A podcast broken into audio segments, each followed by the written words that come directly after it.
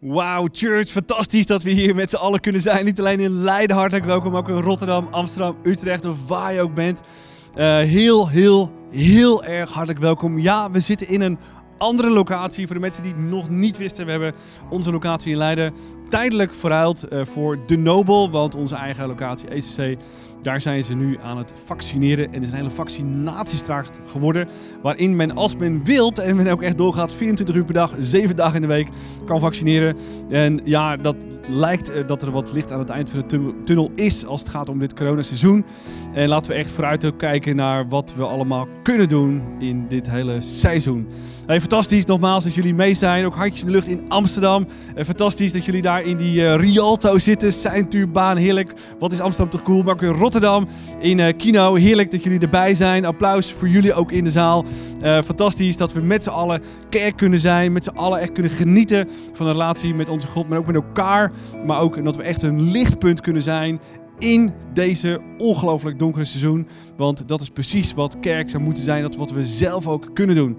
Hey, we gaan deze serie sterk afsluiten als het gaat om bidden als nooit tevoren. En ik hoop echt dat je gebedsleven nieuwe dimensies heeft gekregen. Dat je met alle input van de afgelopen weken ja, echt weer munitie hebt om in je gebed te brengen.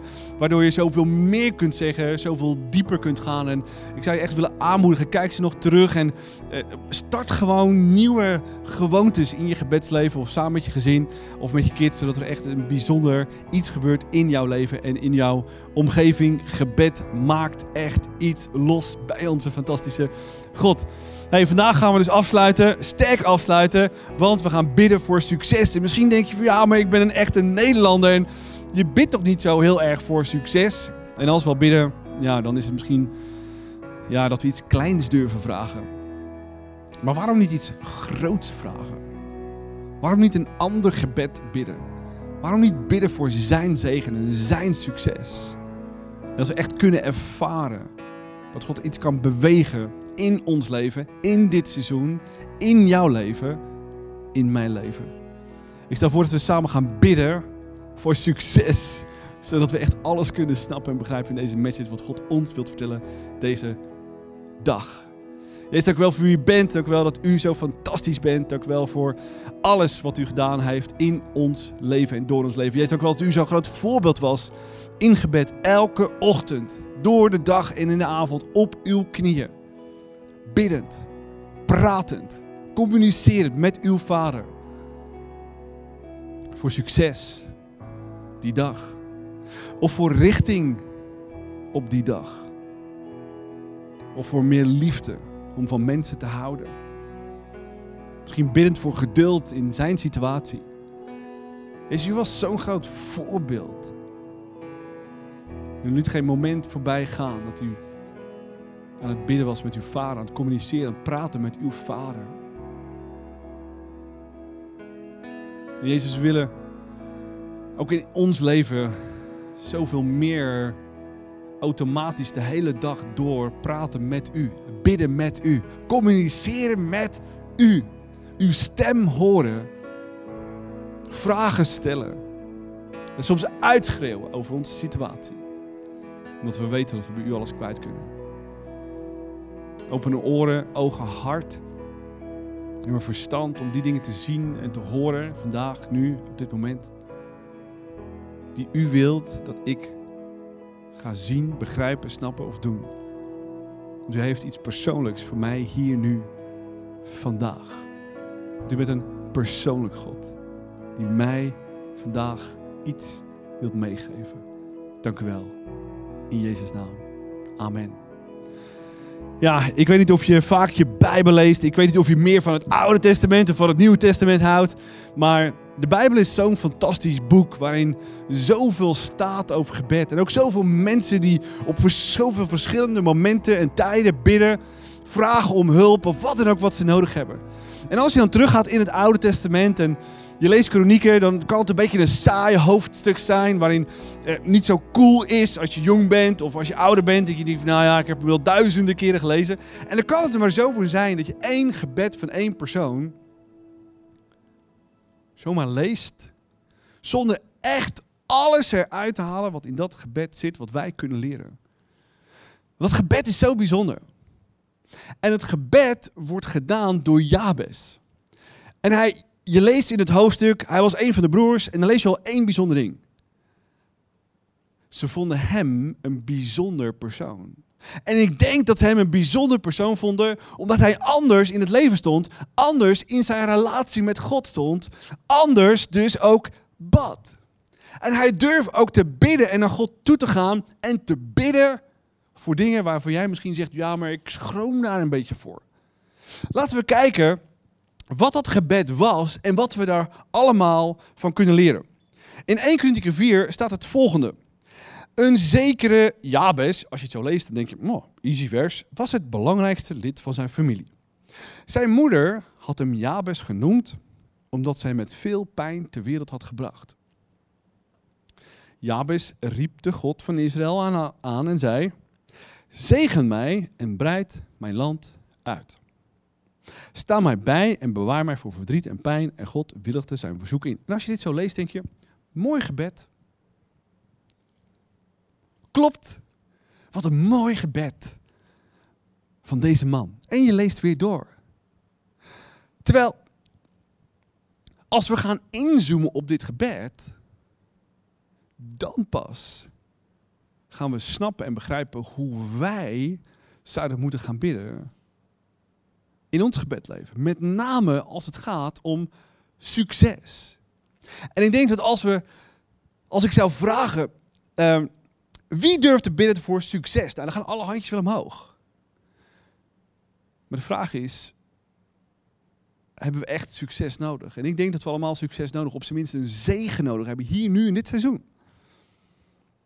We hebben allemaal de zijn zegen nodig van God. We hebben allemaal iets heel specifieks nodig. Maar waar zou je moeten beginnen?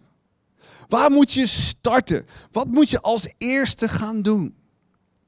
Nou, als eerste moeten we gaan snappen, bij deze paar regeltjes is de situatie van Jabes. Als je het zo leest, denk je, oh, leuk gezin en ze vonden hem bijzonder. Het gaat hem voor de wind en hij bidt een mooi gebed. Maar de situatie was anders. Hij bad niet zomaar van, nou ja, ik heb een stukje land nodig. Ik heb nog een tuintje nodig voor een van mijn kleinkinderen. Ik wilde nog een, een speeltuintje en ik heb eigenlijk te weinig grond. Nee, hij had echt iets heel dieps, iets heel frustrerends in zijn leven. Hij wilde zijn land vergroot hebben, zodat mensen konden zien wie zijn God was. En dat als hij die grond kreeg, wat je niet zomaar kreeg, want dat moest hij op iemand veroveren.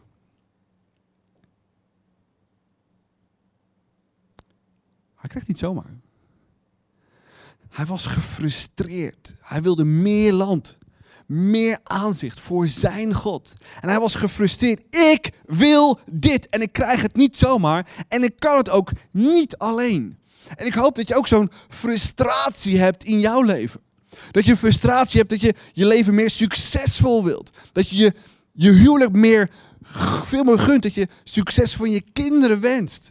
Of dat je het succes van je baas wenst. Of dat je het succes van deze kerk wenst. Dat je ergens diep in je ziel zegt: Ik ben gefrustreerd. Op een positieve manier. Ik ben gefrustreerd. Want ik wil meer succes. Want als je echt leeft, dan wil je niet zomaar leven. Je wil alles eruit halen wat erin zit. Niet wat moet. Dat je ergens een diep verlangen hebt. Ik wil alles uit het leven halen wat erin zit. Ik wil niet zomaar mijn leven leiden met de kleine mogelijkheid, of misschien wel de grote mogelijkheid, dat het ergens strandt in niets. Maar dat je je leven zo leidt, zo bewust, met zoveel visie, dat het een succes is samen met jouw God. Dat je echt voelt en proeft Woo! Amazing! En dat gaat niet vanzelf. Je moet beginnen met een gezonde frustratie. Dat was het startpunt van Jabes. En ik hoop dat je, als het om onze kerk gaat, wat we samen aan het bouwen zijn, dat je gefrustreerd bent. Hoe kunnen we meer groeien? Hoe kunnen we meer mensen laten met Jezus brengen? Hoe kunnen we meer mensen dienen? Wat kunnen we meer doen om meer succes te hebben, zodat God meer gezien wordt? Ik hoop dat je zo'n diepe frustratie voor jouw kerk hebt. En dat je elke ochtend zo opstaat, dat het een van je punten is in jouw gebed. Ik wil dat mijn kerk groeit. Want als deze kerk groeit, hebben we meer positieve invloed op deze stad. En het raakt tot mensen in deze stad die zoveel nood hebben op een positieve manier. En ik hoop dat je zo gefrustreerd bent als je die frustratie niet hebt. Bid daarvoor. Nou, laten we gaan kijken in deze twee, drie regeltjes en leren van Jabes wat we moeten leren voordat we gaan bidden. Het eerste gedachte is, herken Gods grootheid. En Jabes riep God, de God van Israël aan. Hij ging niet zomaar bidden, oh ja, ik, ik voel dat ik moet bidden. Ehm, ja, ja, als ik niet bid, voel ik me schuldig. Nee, hij ging met een hele andere houding naar God toe. Mijn God is de God van Israël, is de God van Abraham, Isaac en Jacob. En die kan amazing dingen doen. En mijn vraag aan jou vanochtend is: ga je ook naar God toe met het bewustzijn, met een houding, met de overtuiging dat jouw God ook echt, ook echt iets kan betekenen in jouw situatie? Of denk je, nou, ik bid maar en ik, ja, je, ja, misschien doet God het wel of misschien doet God het niet. Ja, weet je, hij moet het ook een beetje zelf weten. Nee, alles hangt heel erg ook af van jouw overtuiging. Hoe kijk je naar God? Hoe groot is jouw God? Of zie het meer als een uitweg? Kan je ook doen. Jabes was geen uitweg voor hem om te bidden. Jabes ging niet zomaar God toe als laatste strohalm. Bij Jabes was het het eerste en ook het enige wat hij deed. Punt uit. Punt uit. Want zo moeten we naar God kijken dat hij de enige houvast is. Dat hij God van hemel en aarde is. Dat hij God almachtig is. Dat hij zo bijzonder en zo groot is. Dat hij dat letterlijk kan doen. In Efezes 3 staat het volgende. Lees maar mee. God kan oneindig veel meer doen dan wij ooit kunnen bidden of beseffen. Dat blijkt uit de kracht die in ons werkt. Maar de vraag is, heb je ook zo'n overtuiging? Ga je ook zo naar God toe dat God alles kan? En leg je het gewoon simpelweg neer en je strooit het maar en je strooit het maar en je strooit het maar. Met de verwachting, oh, dat gaat hij doen. Oh, dat gaat hij doen. Oh, dat gaat hij doen. Oh, dat gaat hij doen. Dat gaat hij doen. Dat gaat hij doen. En als hij het niet doet, dan doet hij het niet, wat God is. God, daaruit spreekt zo vertrouwen op wie God is. Ik ben opgegroeid uh, in een wijk en voor ons hadden wij een sloot. Het was echt de voordeur uit en dan pak een beet, 5, 6 meter, boem, zo het water in. Zomer is fantastisch, uh, altijd tot hier natuurlijk onder de modder en de blubber. Uh, om allemaal dingen te zoeken wat, wat moeder niet zo cool vindt, want toen kwamen we thuis en dan, oh my gosh. en winters, schaatsen. Ja, toen kon je nog schaatsen, bijna elke winter. En dat was fantastisch. Maar je moest wel zeker zijn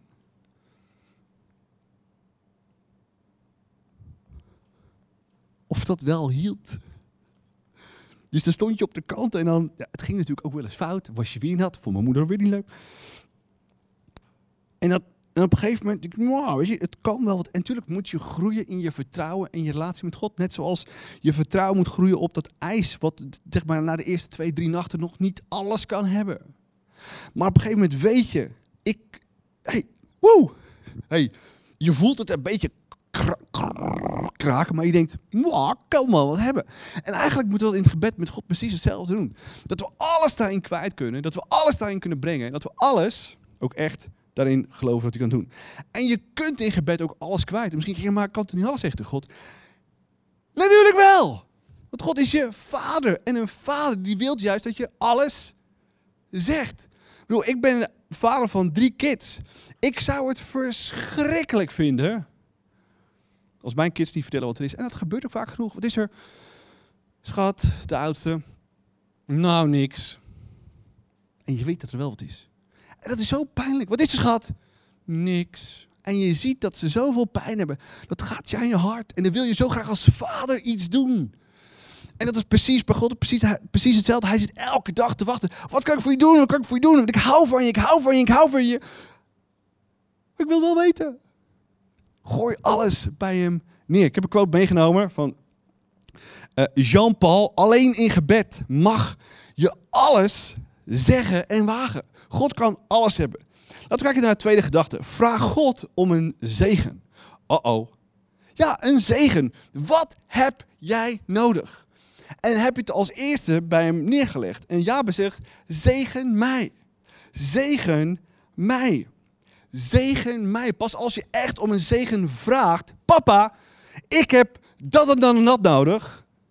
Dan ben je God aan het opleiden. Vraag God simpelweg om een zegen. Zegen mij. Met in je achterhoofd iets heel specifieks. Wat voor je uitkijkt, ben je dan bidden. Ja, God, zegen me. Dan vraagt God, wat dan? Ja, dat weet ik niet. Dat weet ik niet. heb je wel eens? Ja, God zegen me. Dan denk je, dan vraagt God, wat dan? Uh, ja, dan ben ik vergeten. Het moet heel specifiek zijn. misschien gebeurt het vaak genoeg, ook bij jullie in het gezin. Heren, zegen deze spijzen. Nou, heb je op zijn minst nog een zegen voor deze spijzen. Maar het gaat zo automatisch. Maar waar wil je een zegen voor? En dat is de volgende gedachte. Bid niet alleen voor een zegen, maar bid voor een zegen wat echt een succes is. Je moet het heel specifiek maken. En Jabes maakte het heel specifiek. Breid mijn land uit. Dat was niet zomaar een stukje grond kopen van de gemeente. Dat was ook niet de buurman op een klap op zijn gezicht geven en zeggen: Dit is voor mij. Nee, hij moest ervoor vechten. En God moest iets bijzonders doen, zodat hij het kreeg. Wat heb jij nodig? Laat me je helpen. We hebben allemaal een aantal gebieden in ons leven. Misschien heb je een zegen en succes nodig in een van je relaties. En loopt het stug of een van je kids of je vader of je moeder of je partner. En heb je daar echt Gods hulp en inzicht en iets vernieuwends voor nodig. Of misschien heb je nu echt een uitdaging in je financiën vanwege corona. Of in je werk. Je hebt misschien een, een, een, een, een, tijdelijk contract van één of twee jaar. En je weet van ja, deze tijd niets meer zeker. Waar gaat het heen? Of misschien heb je problemen in je gezondheid. Durf je te bidden heel specifiek voor je gezondheid of je geloof. Misschien is het dood en is het niet meer zo actief. En misschien heb je daar echt hulp bij nodig.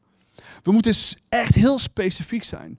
Nou, Jabes bad heel specifiek voor de uitbreiding van zijn land. Nou, je hoeft misschien niet per se uitbreiding van je land te bidden. Maar wat kan je wel doen?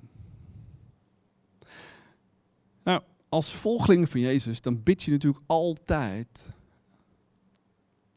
dat je meer mensen in relatie kan brengen. Dat je meer mogelijkheid hebt om mensen om je heen te dienen. Maar als je dan een beetje nadenkt en denkt, ja, maar, maar, mijn bordje is al zo vol. Bijvoorbeeld met drie dingen. Misschien is het voor jou 30. En denk je, ja, ik, ik kan niet meer hebben. Nou, Jabes bad dat zijn land groter werd. En dat mensen zijn God veel meer zouden zien.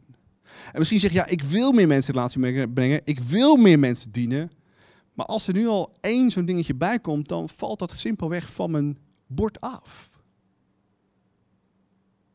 Wat we moeten snappen is dat we soms niet moeten bidden voor meer dingen op het bord. Maar dat onze capaciteit van wat we aankunnen groter wordt. Zodat er meer in je leven past. We moeten snappen is dat onze capaciteit, onze geduld of onze financiën of onze gezondheid of onze belastbaarheid is uiteraard van persoon tot persoon anders. Maar je kunt het groeien. Je kunt het oprekken. Je kunt het groter maken. Zodat je meer kunt doen. Ja, je kunt daar zelf iets in doen. Maar waarom niet God bidden dat hij je ergens in oprekt? Meer geduld krijgt. Je meer financiën. Meer energie. Zodat je dat kunt doen wat je misschien überhaupt al wilt. Of zodat je dat voor elkaar krijgt waar je al lang van gedroomd hebt. Laten we kijken naar een verhaal van Nicky Remmerswaal. Die ook op het gebied van werk minder wilde werken, maar niet zo logisch was voor hem, of voor zijn financiën, of voor zijn werk. En hoe hij daarin gestaan heeft en dat God ook echt tot een zegen kwam. Geholpen heeft om daar te komen waar je moet zijn. Nicky, heel hartelijk welkom. Uh, ik denk dat jij heel erg vrolijk wordt van dit soort plekken. Zeker. Uh, je bent niet alleen een consultant in de klimaatinstallaties, hè, voor warme lucht en koele lucht, zomers, et cetera. Uh, maar je bent daarna ook een echte DJ in de industrial hardcore. Uh, ik kan het nog allemaal herinneren. Ik ben één keer bij geweest in Wassenaar en mijn oren zuizen nog steeds een beetje na. Maar echt ja, je hebt er nog steeds last van, of niet? Ja, nog een klein beetje wel. Ja, dus een paar vertrooien vind je fantastisch. Maar hier zou je ook denk ik wel een keertje willen staan. Ja, zeker. Ja, deze heb ik nog niet gehad. Dus ja. deze staat zeker nog op mijn lijstje om uh, een keer een uh, avondje af te sluiten. Ja, even een balletje opgooien hier zo. Hey, fantastisch dat jij hier bent. we kennen jou als... Ik ken jou al ontzettend lang. Uh, Ik heb je mogen trouwen. Je bent een van onze fantastische producers die week in, week uit ervoor zorgt dat al deze celebrations lopen als uh, een geolied werk. En Nicky, uh, op welk gebied van je leven was jij op, echt op zoek naar verandering of succes en waarom was je daar naar op zoek? Ja, dat was eigenlijk uh, voornamelijk op mijn werk en mijn financiën. Uh, ik ben altijd succesvol uh, gericht daarin. ik wilde succesvol zijn op mijn werk en in mijn financiën. Dat betekende voor mij veel werken, overwerken. Alle kansen pakken om wat extra's te doen en nou ja, zo, zo, de, zodoende successen te behalen en ja. Nou ja, een goed salaris dan over te houden. um, maar ja, gedurende dat ik dat deed, merkte ik eigenlijk dat het nooit voldoende was. Uh, ik haalde niet uit wat ik eruit dacht te halen. Ja. Uh, ik begon steeds meer in te zien nou ja, dat uh, de successen die ik behaalde op werk niet bepalen, bepalen wie ik ben of hoe ik eigenlijk succes kan ervaren. Ja. En zodoende kwam er ook steeds meer gedachten in mijn hoofd van ja, er moet wat veranderen aan mijn werksituatie. ik wil, wil, daarin meer rust. en ja, dat, die gedachte werd eigenlijk steeds meer van hé, hey, waarom ga je niet een dag minder werken? en dat is eigenlijk de verandering waar ik naar verlangde. Om een dag minder te gaan werken, om meer rust, geestelijk, lichamelijk te hebben. Ja. Zodat ik nou ja, een, bij een dagje met mijn kleine kon zijn, maar anderzijds ook gewoon uh, zodat ik zijn kerk kan bouwen. Ja. Uh, en maar niet met de restjes van mijn tijd, maar met het, maar met het uh, zuivere eerste deel van mijn tijd. Het zuivere eerste, ja. beste deel. Ja, Precies. gewoon echt goede energie in plaats van dat je denkt van, oh jongens.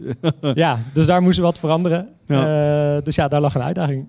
Wauw, ja, heel bijzonder dat je ja, in het verlangen had ook om dat te doen. Niet alleen voor jezelf, maar ook voor je, voor je gezin. En die kleine voor jullie, maar ook voor, om kerk te bouwen. Ja. je wilt dus minder gaan werken. maar ja, financieel ga je daar op, natuurlijk op achteruit. Hoe was dat voor jou om zo'n stap te nemen? Want ik ken je als iemand die pietje precies is. Ja. Uh, nou ja, alles moet een beetje kloppen en dan is dit toch echt wel een dingetje. Ja, dus toen deze gedachte kwam, er was echt wel een, uh, een, chaos in mijn hoofd. Want ja, klopte, aan alle kanten klopte de gedachte niet. Want ja. uh, ik dacht, ja, ik zit net in de groeifase op mijn werk. We hebben net een huis gekocht. bedrijf waar ik werkte, nou ja, daar werkt niemand vier dagen. Het past ook niet binnen de bedrijfscultuur. Ja. Uh, dus ik dacht, ja, hoe, uh, hoe ga ik dit aanvliegen? Maar de gedachte bleef terugkomen en terugkomen. Uh, waardoor ik dacht, ja, ik moet hier gewoon een, een stap in gaan zetten. En ja. ik moet het gaan bespreken. eigenlijk bespreekbaar maken met mijn werkgever. Wauw. Um, hoe, hoe, hoe bereidde je dat gesprek voor met je baas, werkgever? Wat ging er je om? Wat wilde, wilde je zeggen? Dat gaat natuurlijk genoeg ja, het is best spannend, denk ik. Ja, zeker. Ja, er kwam een hoop spanning bij kijken, inderdaad. Uh, ja, en hoe ik het voorbereidde, uh, ja, begon eigenlijk met de gedachte uh, om te vertrouwen op de gedachte die ik heb, die ik heb gehad van God. Deze gedachte is van God gekomen. Ja. ik ben ook dat steeds meer in gaan zien, omdat ik gewoon gedurende het proces naar dit gesprek toe uh, steeds meer rust en vertrouwen ervaarde dat dit gewoon goed zou komen. Ja. Uh, dus op die manier bereidde ik me voor. En uh, ja, door veel erover te praten thuis en er echt heel specifiek ook voor te bidden. Ja. En ja, door ook gebed werden dingen die ik in het gesprek bespreekbaar wilde maken of hoe ik het gesprek wilde leiden, werden gewoon steeds duidelijker door gebed. dus daarin heeft gebed mij ja, gewoon geholpen om op het gesprek juist voor te kunnen bereiden. Ja, en, en hoe was het dan? Ik bedoel, het was geen bedrijfscultuur, je vond het een beetje spannend. En dan heb je altijd nog de reactie natuurlijk van je werkgever, in dit geval je baas. hoe was dat? Klopt. Ja, uh, die was uh, uh, ja, verrassend. we gingen het gesprek in en ik ja, probeerde eigenlijk zo snel mogelijk in het gesprek de regie te nemen. Omdat ik ja, dacht, ja, ik wil het niet op zijn beloop laten. Het was ja. onaangekondigd, ik had het hier nog niet eerder over gehad. maar ik heb het gewoon zo snel mogelijk in het gesprek op tafel gelegd van jongens. Uh, ja, dit is hoe ik er tegenaan kijk, dit is hoe ik het zie, uh, dit is waar ik naartoe wil, ja. uh, dit is mijn voorstel, zowel dag minder werken, maar ook mijn financiële voorstel. Eh, ja, en ze reageerden daar eh, enerzijds wel gewoon positief en rustig op, maar ze waren, het kwam wel heel onverwachts. Uh, ja, vonden het toch wel lastig, want het, ja, zoals ik al zei, het past niet binnen bedrijfscultuur. Dus ja. ze moesten daar echt wel goed over na gaan denken of ze het zouden zien zitten, of ze het geen rem op mijn ontwikkeling zouden vinden, of het binnen het bedrijf zou werken, ja of nee. dus dat was eigenlijk in eerste instantie de reactie die... Genoeg om ook weer om zelf over na te denken. Oh ja, dat zijn misschien ook allemaal wel puntjes die je misschien niet had gezien. Ja, ja, en eigenlijk gaandeweg het gesprek werd ik ja, ook gewoon geleid, merkte ik. kreeg gewoon de juiste woorden, want ik voelde me op geen enkel moment, uh, bracht het me aan het twijfelen of zo. Ik was gewoon zo zeker van mijn zaak, van ja, dit, hier moet ik gewoon naartoe. Uh, linksom of rechtsom, uh, binnen dit bedrijf of ergens anders. Dit was gewoon de stap die ik moest zetten. Ja. dus het voelde voor mij in ieder geval heel goed. Wauw. Hoe liep het af? Uh, ja, uiteindelijk, uh, allereerst viel er een enorme last van mijn schouders af toen ja. ik besproken had. Dus dat was echt uh, ja, zo duidelijk van, ja, God staat hierin gewoon naast me. En die heeft me hier echt in gesteund.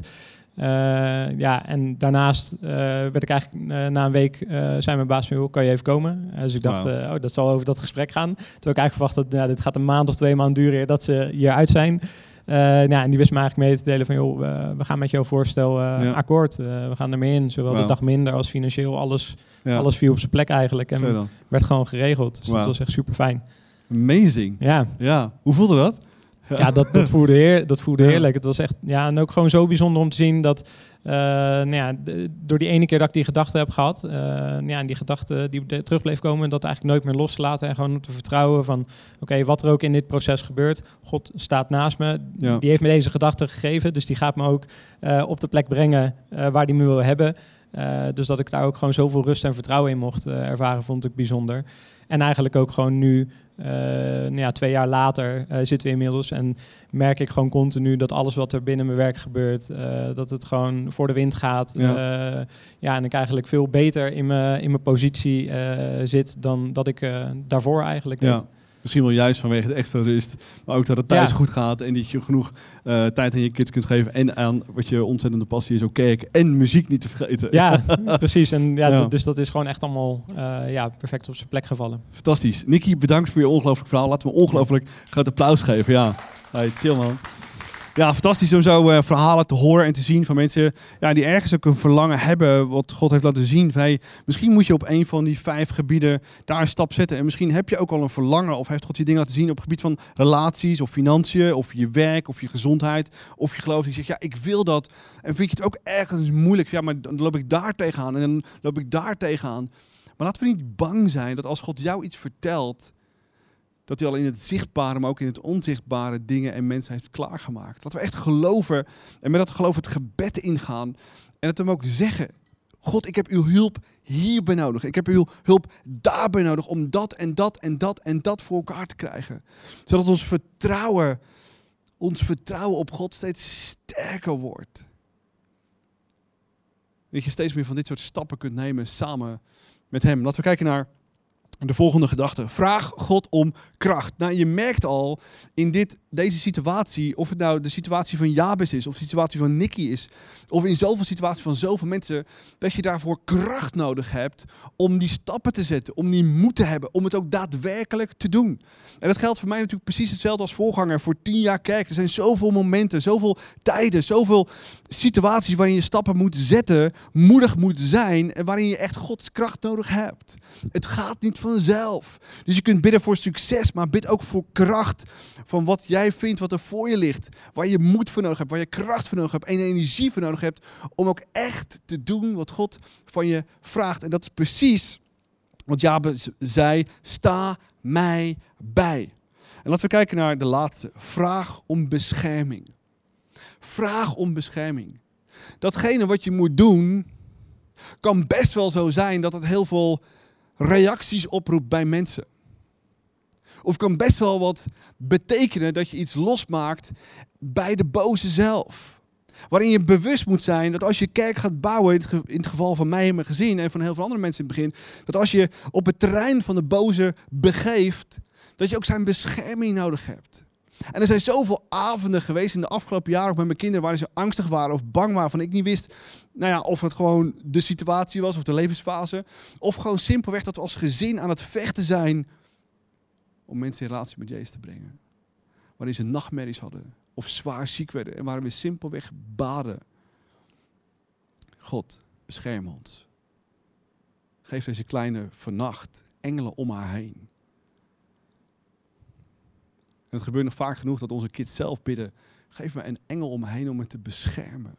Je hebt die bescherming nodig om daar te komen waar je moet zijn. En ook voor jou geldt precies hetzelfde. Je hebt Gods bescherming nodig. Want het is niet altijd even makkelijk om te doen wat God voor je vraagt. Een Babylonische Talmud heeft het volgende gezegd. Ik heb een quote meegenomen. Lef helpt vaak wanneer we voor God staan. Soms hebben we echt lef nodig om te weten, hey, God heeft het voor me gezegd, maar nu sta ik voor hem. Ik bid alleen voor dat succes, ik bid alleen voor die zegen, maar ik bid alleen voor die bescherming en kracht. Maar om het ook echt uit te spreken. Ik vergeet nooit meer toen God duidelijk op mijn werk zei, hey Arie, wil je de rest van je leven een product of een dienst verkopen in dit bedrijf of een ander bedrijf, of wil je samen met mij levens veranderen en kerk starten? Dat ik moed nodig had om naar mijn vrouw toe te gaan. Moed nodig had om voor mijn omgeving te zeggen: hey, dit is wat we gaan doen en dit zijn de offers die we gaan brengen. Je hebt daar moed en kracht voor nodig. Maar het maakt zoveel los als je het ook echt doet. En laten we met dat besef weten dat als we zo voor God staan, dat hij je wilt zegenen. Dat als je hem ziet dat hij zo groot is, dat hij ook echt iets door jou heen wil doen. Want laten we naar het laatste vers kijken. Misschien vraag je jezelf af, maar waarom? Waarom zou ik dat allemaal moeten doen? In Matthäus 21 staat het volgende. En Jezus antwoordde, luister, wie geloof heeft en niet twijfelt, kan dit soort dingen ook echt doen. En nog veel meer.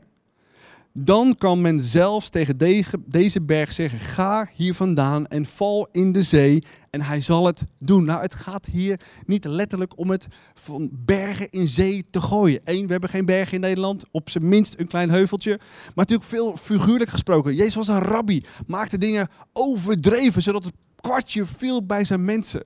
Dat als we echt geloven, dat we bij wijze van spreken bergen kunnen verzetten. De vraag is, wat is de berg in jouw leven? Aan God ligt het niet, maar zullen we het aan hem vragen dat ook echt te doen. We gaan luisteren naar een nummer The Blessing in het Nederlands. En laten we daarin uitspreken dat jouw berg die jij voor je ziet, waarvan je weet dat God van je vraagt of nodig is in jouw situatie, in het geloof dat hij het kan en wil doen, het uitschreeuwen naar hem, de blessing. Laten we samen luisteren en aanbidden ongelooflijk. Wat een lekker nummer is dat. En ja, inderdaad, we mogen echt bidden voor zijn kracht en zijn zegen. En laten we dat hier op dit moment ook doen. Jezus, dank u wel voor wie u bent, voor uw liefde, voor uw trouw.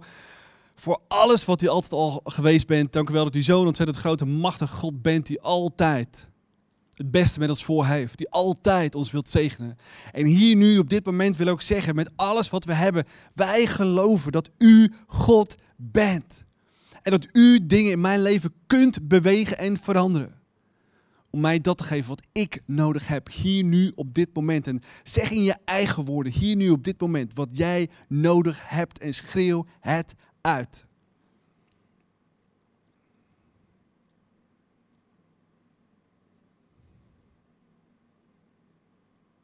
Deze dank u wel dat u ons gehoord heeft. Dank u wel dat u van ons houdt. Dank u wel dat u ons gaat zegenen. In Jezus' naam. Amen. Ja, fantastisch dat we ja, zo deze serie sterk konden afsluiten. En ik hoop echt dat je geholpen bent en dat je echt nieuwe stappen wilt zetten in jouw geloofsleven. Tegelijkertijd is het Vision Sunday 2021 en hebben we een hoop te melden. En gaan we natuurlijk voortbeduren op wat er afgelopen jaar een crazy jaar gebeurd is. Maar voordat we dat gaan doen, gaan we ook luisteren naar Leo en Suzanne Bigger. Voor je, als je het nog niet weet, ICF in Nederland maakt deel uit van de ICF Movement. Ooit gestart in Zwitserland, Zurich, door Leo en Suzanne Bigger. En inmiddels hebben we na 25, bijna 25 jaar, bijna 90 ICF's. Niet alleen in Europa, maar ook buiten Europa. En zij hebben natuurlijk ook een wens voor jou en voor onze kerk. Laten we daarnaar luisteren, Leo en Susanna Bigger. Hello ICF Movement. Today we have the Vision Sunday and the global part. I'm so excited. And the topic is Impact Your World. Is actually also the topic for this year conference.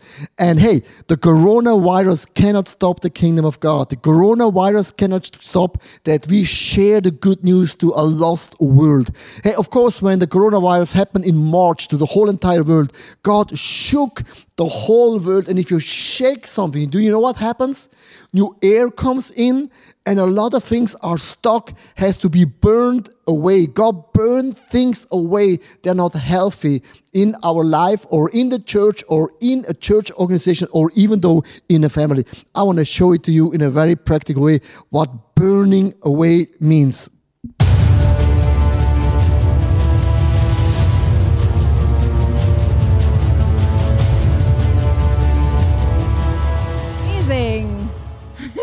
Hey, how cool is that? I mean, God burned certain things away that's not healthy. It's sometimes also painful. You know, before God can change the world, He changes always us. It starts with you and me, and that's actually good news. That's an amazing Bible verse.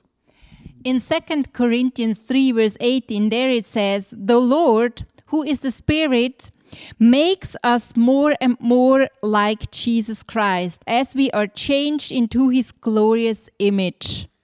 Hey, what an amazing Bible verse. In other words, God is interested that we are on fire for Him. God burns all those things away. They're not healthy for us. So, I mean, it's always easy to speak that God burns away by the sinner or by this and that person. Not just tell us what has God burned away last year in your own personal life.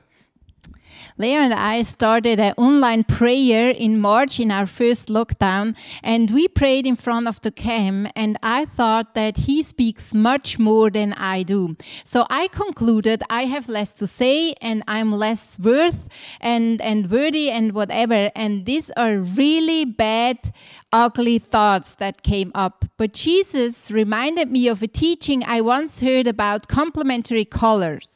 And the complementary colors are not always the same amount in order to be in balance. As you see on the slide, only red and green are one to one. But for example, blue and orange are one third with two third, or even um, yellow and purple are one fourth and three fourth. And this was a great teaching I needed to hear.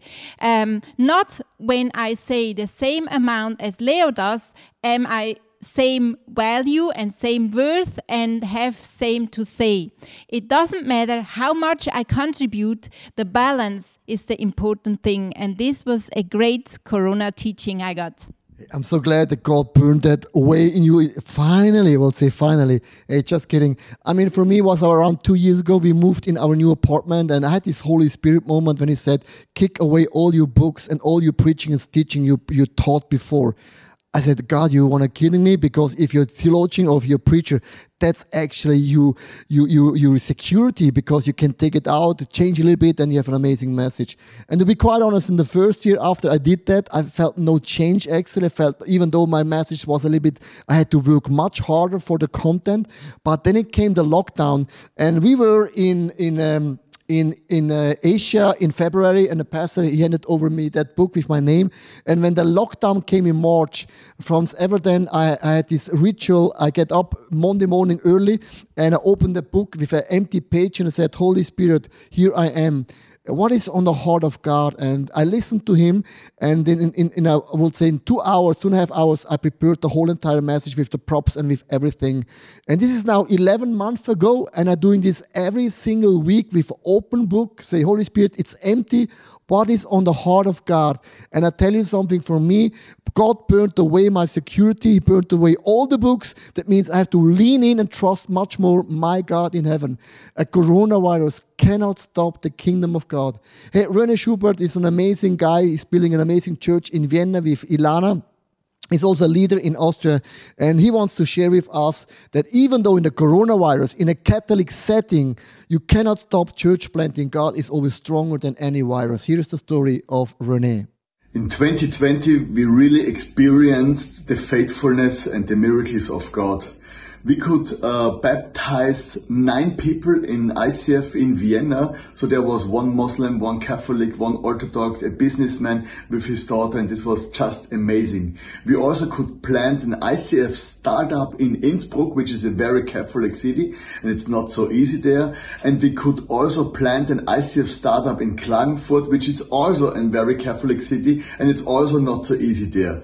But in all this crisis, we really experience the miracles of God that He can work in the most difficult situations. Hey, ICF movement, that's why we impact our world.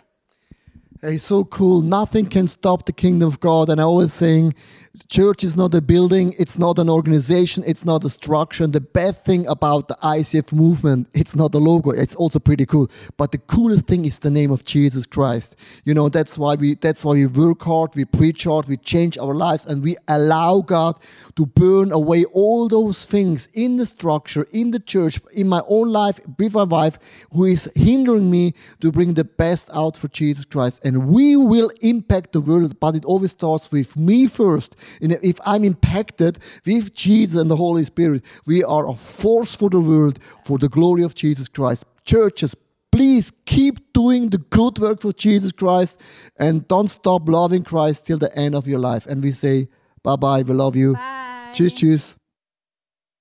Wauw, fantastisch. Leo, Susanna, bedankt. René Schubert, bedankt als een van mijn hartvrienden. Fantastisch dat we samen kerk kunnen zijn. Dat er zoveel onwijze coole dingen, niet alleen in de movement gebeuren, maar ook hier in Nederland. En we, hebben een ontzettend eh, uitdagend seizoen achter de rug als we terugkijken. Eh, afgelopen jaar met corona, schakelen. We hebben 30.000 euro uitgegeven voor een livestream eh, te hebben voor jou thuis, voor jou in Rotterdam, Amsterdam of Utrecht of voor waar dan ook. En we hebben zoveel moeten schakelen. En of het nog niet genoeg was, in het najaar moesten we in Leiden ook nog eens een keer van locatie van, veranderen. Nou, er zijn zoveel dingen. Misschien dat je denkt van ja, maar valt toch allemaal mee. Nou, we hebben zo hard gewerkt. En eigenlijk waren we, ik in ieder geval al mentaal voor de zomer echt al een beetje overleden. Eh, en gelukkig was mijn zomer fantastisch en konden we echt weer sterk aan de slag in het seizoen. eh, om die dingen op te pakken die we moesten oppakken. En hebben we dat met z'n allen ook voortdurend kunnen doen. En laten we als eerste terugkijken en dus ook bedanken voor al die mensen. En samen ook de prijs hebben betaald. Dus dat we een applaus geven voor jezelf en al die mensen. Wat we afgelopen seizoen hebben gedaan. Waardoor we echt ook hebben kunnen meebewegen met wat God aan het doen is. Met name ook als kerk. En dan komt automatisch natuurlijk de vraag. Hey, wat ligt er voor ons, voor ons als kerk in dit jaar? Nou, ik noem het voor mezelf een beetje in dit seizoen back to the roots. Je merkt dat je ook in je eigen leven, in corona, heel veel dingen niet meer kunt doen. Heel veel sociale dingen niet meer kunt doen. Vind ik soms niet zo heel erg. Kan ik extra rust nemen voor mezelf, voor mijn gezin. Vind ik heel fijn. Eh, en je wordt een beetje teruggeworpen op de roots. Van hoe was het eigenlijk jaren geleden toen we nog geen smartphones hadden. Niet gebombardeerd werden met allemaal berichtjes. Of al die dingen meer. En ik merk aan mezelf heel erg dat je dus inderdaad een beetje terug moet naar hoe het was. Misschien wat meer rust, misschien wat meer gezondheid. En dat geldt niet alleen voor mij als persoon of voor mij als gezin, maar dat geldt natuurlijk ook een beetje voor ons kerk. En de vraag is heel erg, waar zijn we tien jaar terug mee begonnen? Wat was nou onze roots? Nou, we zijn niet zomaar een kerk gestart tien jaar geleden omdat het cool was. Of omdat het leuk was. Omdat het cool is om heel veel eh, techniek aan te schaffen. Dat je er heel veel coole dingen mee kunt doen. De bottom line was dat we wilden gehoorzamen aan wat God van ons vraagt. En ook van jou vraagt. Er waren twee versen in het leven van Jezus die ontzettend belangrijk zijn. Op twee belangrijkste momenten in het leven van Jezus vroeg men: wat is het allerbelangrijkste? Eén moment was ehm, in Matthäus 22, waarin voortdurend christelijke leiders Jezus wilden pootje haken om maar te laten zien dat hij toch wel een foute meneer was. En ze vroegen hem voortdurend: wat is het belangrijkste? Wat is het belangrijkste? Wat is het belangrijkste? Wat is het belangrijkste? Om ergens iets te vinden in hem wat niet goed was. Nou, je zou kunnen zeggen, "Maar, weet je, ik ben zoon van God, dus ik ben het belangrijkste. En zelfs op dat moment zei Jezus dat niet. Laten we kijken wat hij wel zei. Matthäus 22 staat het volgende. En Jezus antwoordde, heb de Heere uw God lief met heel uw hart, met heel uw ziel, met heel uw verstand. En dit gebod is het eerste en het allerbelangrijkste. Het tweede gebod komt op hetzelfde neer. Heb uw naaste net zo lief als jezelf. En deze twee geboden zijn de baas van de hele wet en de profeten. Dit is zo'n belangrijk vers. Want wat Jezus hier doet is, hij zegt niet, ik ben het belangrijkste van de wereld.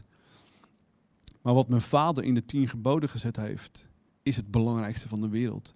En de tien geboden opgezomd is God liefhebben boven alles en je naast als jezelf. Hoe simpel kan het zijn? En dat is wat we al tien jaar doen. God het beste geven, persoonlijk, voor zijn kerk, waardoor we zulke fantastisch mooie programma's hebben. En er zijn zoveel mensen die zeggen, ja, maar ICF is een beetje een oppervlakkige kerk, want het gaat alleen maar om lichtjes. Nee, we geven God het, het mooiste en het beste als eerste van onszelf. Is niet easy. En tegelijkertijd dienen we de mensen om ons heen. Zijn we aan het ontdekken wat gaven en talenten van mensen zijn. Proberen we ze daarin in te zetten, zodat mensen zelf ervaren hoe cool het is om je talent in te zetten, maar ook om te zien wat we los kunnen maken in andermans leven. Dus dat is iets wat we deden, doen en guess what? Blijven doen, ook in 2021. En het tweede belangrijke moment in het leven van Jezus was ongelooflijk belangrijk. Ongelooflijk belangrijk. Vlak voordat hij naar zijn vader gaat, geeft hij zijn discipelen, volgelingen van Jezus, jij en ik dus, een opdracht mee. Dus hij zegt, dit is het belangrijkste, Matthäus 22. God liefhebben boven alles, je naast als je, dienen als jezelf. Maar dat is niet het enige, zegt Jezus. Ik wil dat je nog meer gaat doen. En dan zegt hij het volgende in Matthäus 28. Ongelooflijk belangrijk vers. En als je een geestelijke, sterke persoon bent en een geestelijk sterke kerk bent, dan doe je deze twee dingen in de basis forever en altijd. Ga er daarom op uit om alle volken tot mijn leerlingen te maken. Doop in de naam van de Vader, de Zoon en de Heilige Geest. Hebben we afgelopen jaar gedaan. 13 stuks. Applaus voor al die mensen die in al die locaties gedoopt zijn. We hebben nog nooit zoveel mensen gedoopt, in, uh, dat ook nog een keer in coronatijd. En leer hen te doen wat ik u heb gezegd. En vergeet dit niet. Ik ben altijd bij u tot het eind van de tijd. Dat laatste vind ik helemaal fantastisch. Als je zijn kerk bouwt, als je erop uitgaat, mensen doopt, leert van wat Jezus ons geleerd heeft, ook in zijn woord, dan is hij altijd bij je. En er zijn voorgangers om ons heen in deze stad die zeggen: Ari, jij en je kerk, jullie zijn gezegend. Applaus. En waarom zijn we gezegend? Omdat we simpelweg, is niet zo heel simpel, doe wat God van ons vraagt.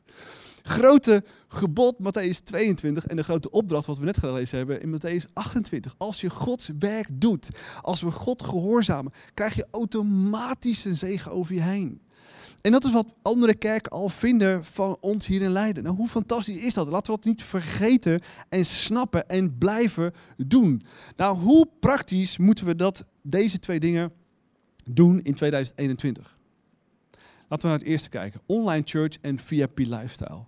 Nou, afgelopen jaar hebben we dus 30.000 euro geïnvesteerd in techniek, extra geluid, extra licht. Het is eindeloos, eindeloos, eindeloos, eindeloos, eindeloos, eindeloos.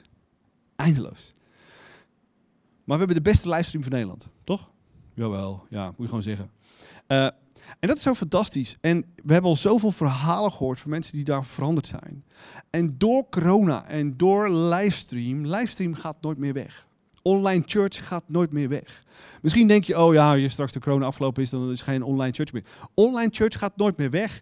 Uh, online livestream gaat ook nooit meer weg. Sterker nog, we wilden het twee jaar geleden al, maar we moesten zoveel investeren. En eigenlijk vanwege het geld hebben we het niet eens gedaan, maar vanwege de extra mensen die ingezet moeten worden.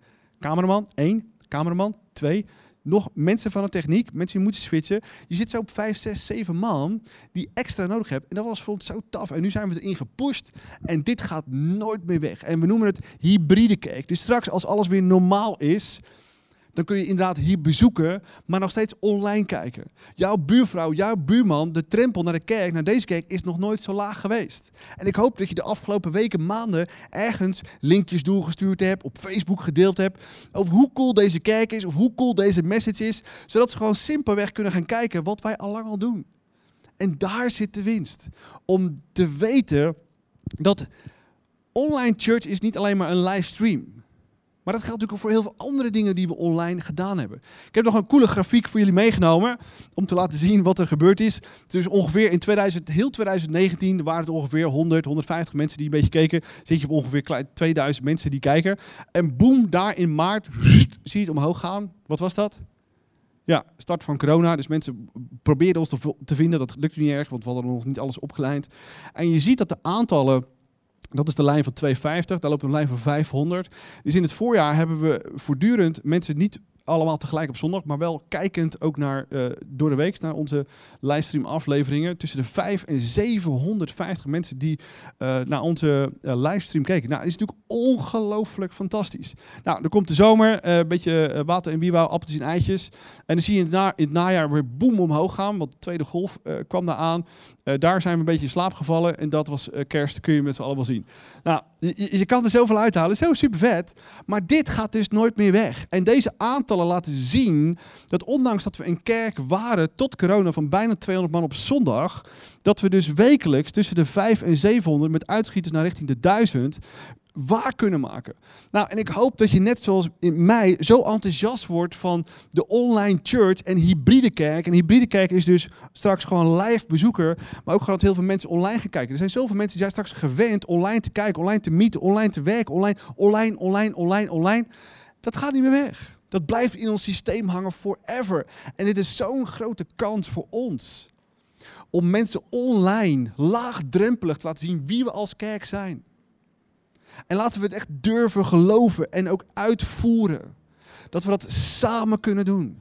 En dat dat er nooit meer weggaat. En ik hoop dat je meer dan ooit wilt weten. Hoe kan ik een Watch Party starten? Hoe kan ik een link delen? Hoe kan ik mensen in mijn omgeving nou samen gaan zitten kijken? Kerk online gaat nooit meer weg.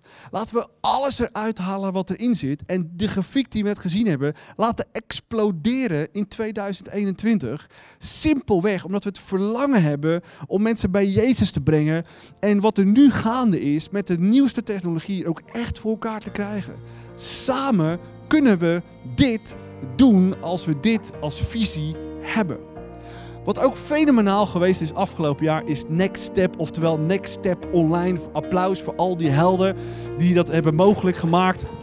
We hebben echt in twee maanden tijd hebben we een aantal nieuwe cursussen hebben opgeleid. Zijn we gestart, allemaal inputs voor gemaakt. En er zijn, ik durf te zeggen, in tien jaar tijd nog nooit zoveel mensen veranderd. Omdat ze online gingen in een explore groep online gingen in een Ontdek God in acht weken groep. Online gingen in een van de vier Faith Basic groepen. Die gaat over kerk of die gaat over hoe kan ik nou mijn talenten vinden en inzetten. Hoe, hoe kan ik nou echt kerk snappen en de waarde ervan in te zien. Hoe, hoe kan ik nou mijn verhaal, wat Jezus in mijn leven aan het doen is, vrij simpel binnen twee, drie minuten vertellen. Zodat iemand dat begrijpt zonder dat de bloed er vanaf spat van Jezus. En dat ze het ook echt willen snappen. Er valt zoveel te halen. En ik heb zoveel mooie verhalen gehoord. Van mensen die erin gestapt zijn. Er zijn meer dan 60, 70 mensen die er afgelopen seizoen doorheen gegaan zijn. Laten we in 2021 dat verdubbelen. Dat we als hele kerk gewoon één of twee van die cursussen doen. Als we iemand durven uit te nodigen voor Explore of ontdek God in acht weken.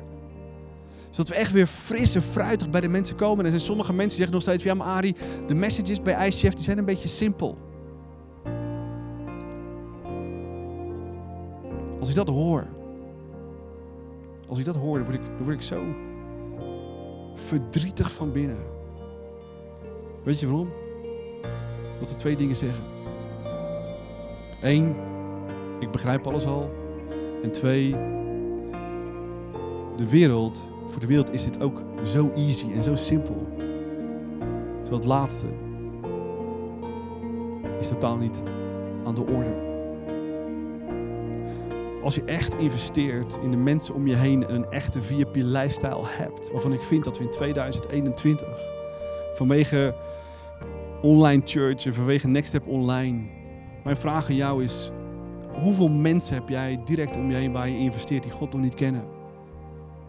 Ik heb een aantal mensen waar ik wekelijks aan investeer die God niet kennen. En als ik een message schrijf, heb ik altijd die mensen in gedachten, zodat we het snappen en begrijpen. En tegelijkertijd heb ik jou in gedachten. En hebben we als team jou in gedachten. Om je altijd een gouden golden nugget mee te geven.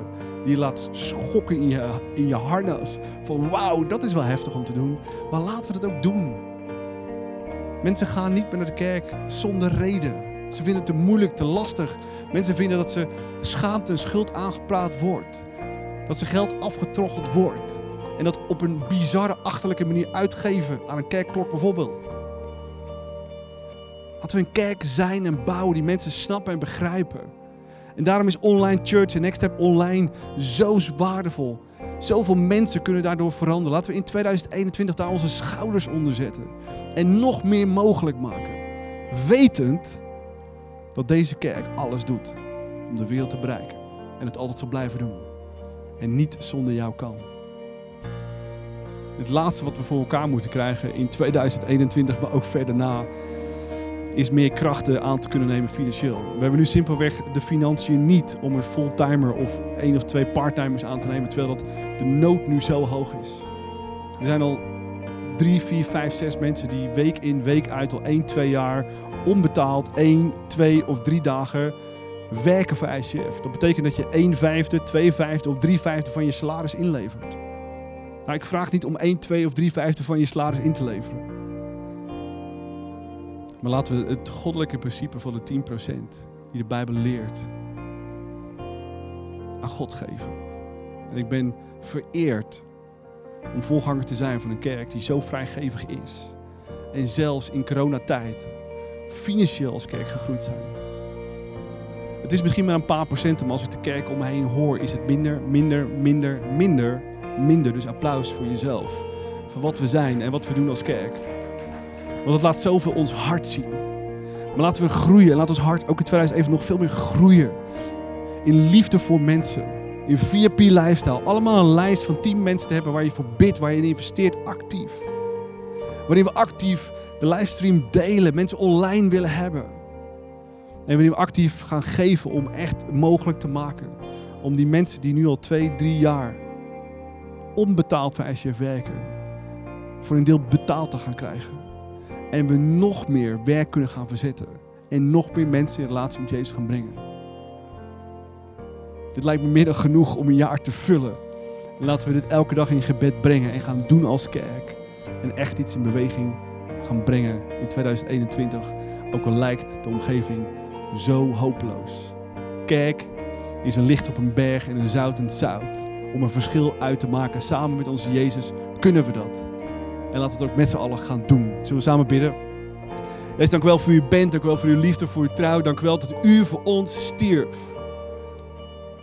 Onvoorwaardelijk, wie we ook zijn, waar we ook vandaan komen, wat we ook op onze kerfstok hebben. U houdt onvoorwaardelijk voor ons en daar krijg ik elke dag toch kippenvel van. En dat haalt het beste in mij naar boven. Om u het beste te geven. Van mijn tijd, van mijn energie, van mijn financiën. Simpelweg uit diepe, diepe dankbaarheid voor u. Jezus, wat u voor ons deed is onbetaalbaar. En u verwacht niet eens iets terug. Maar hier, nu, op dit moment, zeggen wij vrijwillig, met onze eigen vrijwillige keus die we kunnen maken, wat u in ons gegeven hebt. Ik hou van u en ik wil in uw dienst staan. En ervaren wat het is als God al machtig door me heen werkt. Ik mijn gaven, talenten, tijd en energie ten gunste stel van u, uw mensen en uw kerk weet ik dat we nog zoveel verhalen gaan horen in 2021 van veranderde levens.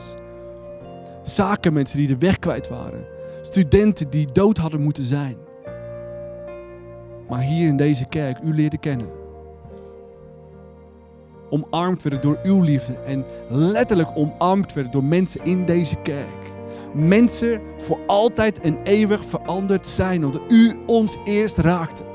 En wij ons laten gebruiken door God Almachtig. En daar willen we meer van. En we bidden voor uw zegen. En we bidden voor uw succes. Dat we als kerk groter groeien in kwaliteit. Dat we groter groeien in kwantiteit. Dat we meer mensen online krijgen. Dat we meer mensen kunnen leren over wat u ons geleerd heeft.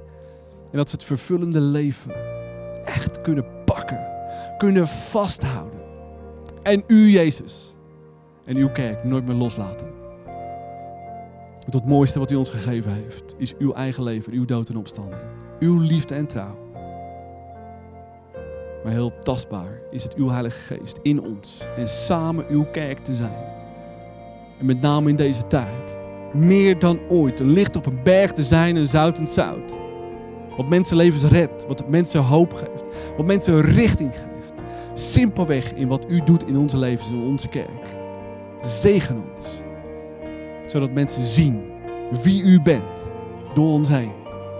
In Jezus' naam. Amen. Hey, laten we de volgende worship gaan gebruiken en echt te genieten en het uit te zingen van wat God gedaan heeft in 2020. Maar nog veel meer gaat doen in 2021. Let's worship.